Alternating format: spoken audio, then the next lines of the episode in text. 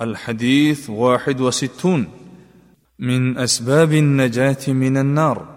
دورنا دخلاص أسباب عن عدي بن حاتم رضي الله عنه قال سمعت النبي صلى الله عليه وسلم يقول من استطاع منكم ان يستتر من النار ولو بشق تمره فليفعل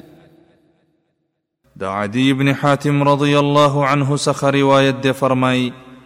ما د نبی کریم صلی الله علیه وسلم څخه اوریدلی دی هغه فرمایل که د چا طاقت وی چې د اور نه ځان بچ کړي اگر که د خرما په یو ټوکړه باندې وي پس ودی کړي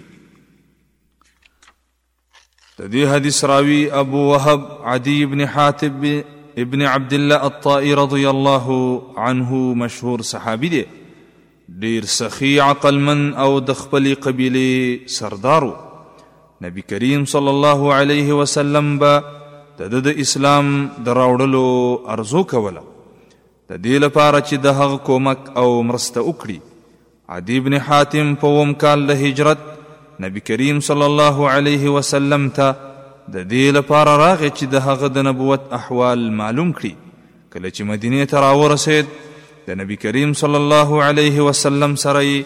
په مسجد کې کتنه وکړه او دا ورته معلومه شو چې محمد صلی الله علیه وسلم بادشاهي او مشري نه غواړي بیا نبی کریم صلی الله علیه وسلم د ځان سره کور ته بوتلو او د هغه لپاره یې ملمستون وکړو او دین اسلام ته یې راوبله نو د په خوشحالۍ سره دین اسلام قبول کړو په هغه وخت کې چې بعضی قومونو په هغه وخت کې چې بعضی قومونه مرتد شول عدی ابن حاتم رضی الله عنه چې د خپل قوم مشر هم وو په اسلام کلک پاتې شو او قوم هم د مرتد کېدلو نه بچ کړو او په ډیرو اسلامی غزاګانو کې لکه د عراق مدائن او د قادسی و غیره فتح کولو کې هم شریک شوی وو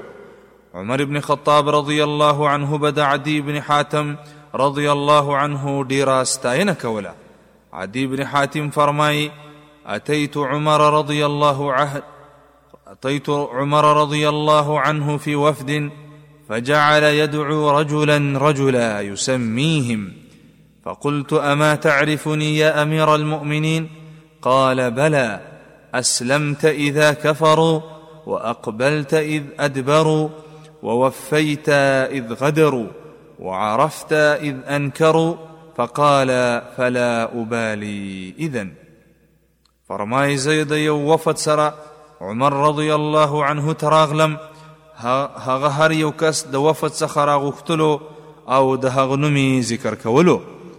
نو ما ورته وویل اے امیر المؤمنین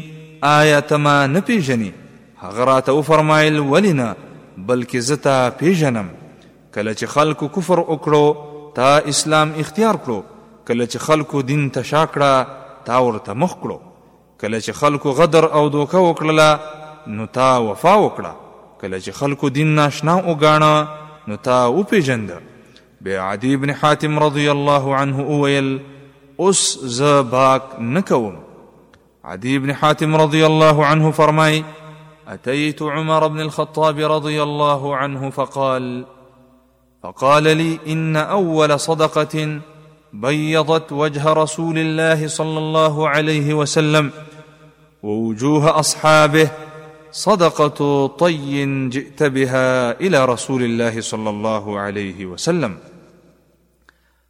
فرمائی زه عمر رضی الله عنه ته راغلم هغه راته وویل د ټولو نه اول هغه صدقه چې نبی کریم صلی الله علیه وسلم او صحابه کرام ور باندې ډیر خوشاله شو صدقه د توي قبیلی و کوم چې تا نبی کریم صلی الله علیه وسلم ته راوړه عدی ابن حاتم رضی الله عنه به کوفه ته لاړو او د علی ابن ابي طالب رضی الله عنه طرفدارو د احادیثو په کتابونو کې د دنه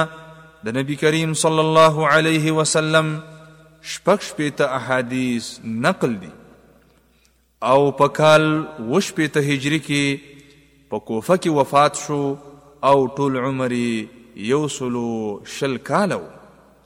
من فوائد هذا الحديث د دې حدیث د فوائد څخه اول دا حدیث صدقې ورکولو ته ترغیب ورکوي اګر که صدقه کمه هم وي ځکه د صدقې په وجه انسان کولی شي چې د اور نه ځان بچ کړي دوهم اتقوا النار معنا دا ده چې د صدقې په وجه باندې خپل ځانونه د جهنم د اور نه بچ کړئ اگر که د خرما په یو ټوکړه باندې وي او د اور نه د خلاصون معنا دا ده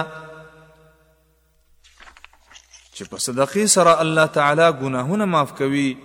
او ګناهونه د معاف کېدو په نتیجه کې انسان د اور نه بچ کیږي